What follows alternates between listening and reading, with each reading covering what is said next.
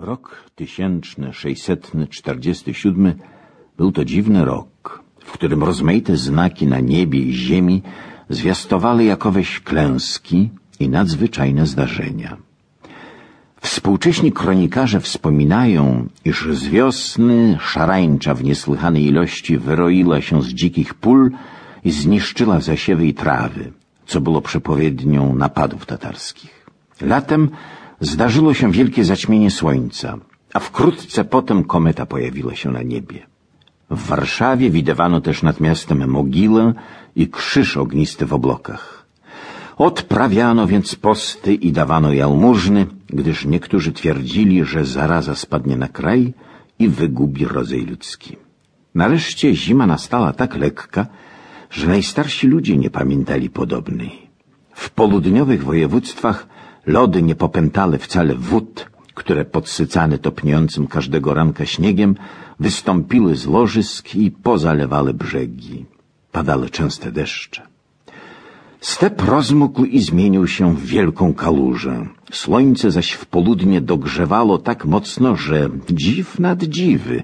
W województwie bracławskim i na dzikich polach zielona ruń okryła stepy i rozłogi już w połowie grudnia. Roje po pasiekach poczęły się burzyć i huczeć. Bydło ryczało po zagrodach.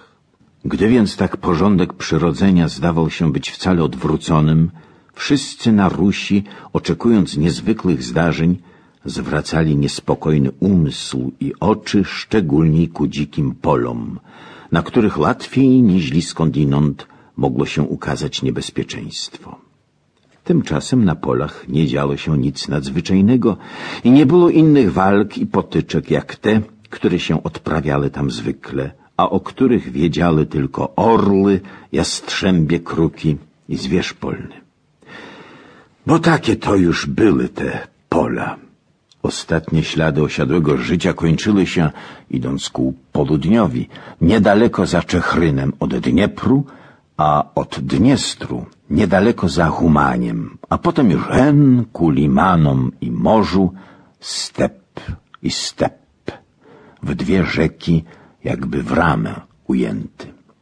Na luku Dnieprowym, na Niżu, wrzało jeszcze kozacze życie za porochami, ale w samych polach nikt nie mieszkał i chyba po brzegach tkwiły gdzieniegdzie polanki, jakby wyspy wśród morza. Ziemia była denomine Rzeczypospolitej, ale pustynna, na której pastwisk Rzeczpospolita Tatarom pozwalała, wszakże gdy kozacy często bronili, więc to pastwisko było i pobojowiskiem zarazem. Ile tam walk stoczono, ilu ludzi legło, nikt nie zliczył, nikt nie spamiętał. Orły, jastrzębie i kruki jedne wiedziały, a kto z daleka dosłyszał szum skrzydeł i krakanie, kto ujrzał wiry ptasie nad jednym kolujące miejscem, to wiedział, że tam trupy lub kości niepogrzebione leżą. Polowano w trawach na ludzi, jakby na wilki lub suchaki. Polował kto chciał. Czlek prawem ścigan chronił się w dzikie stepy, Orężny pasterz trzód strzegł, rycerz przygód tam szukał, lotrzyk lupu, kozak tatara, tatar kozaka. Bywało, że i całe watachy broniły trzód przed tłumami napastników. Step to był pusty i pełny zarazem, cichy i groźny, spokojny i pełen zasadzek, dziki od dzikich pól, ale i od dzikich dusz. Czasem też napełniała go wielka wojna. Wówczas płynęły po nim jak fale czambuly tatarskie, pułki kozackie, to chorągie polskie lub woloskie.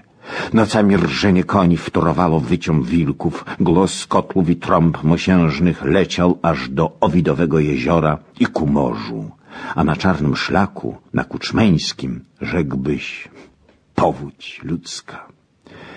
Granic Rzeczypospolitej strzegło od kamieńca aż do Dniepru stanicy i Polanki i gdy szlaki miały się zaroić, poznawano właśnie po niezliczonych stadach ptactwa, które sploszone przez czambuły leciały na północ. Ale Tatar, byle wychylił się z czarnego lasu lub Dniestr przebył od strony włoskiej,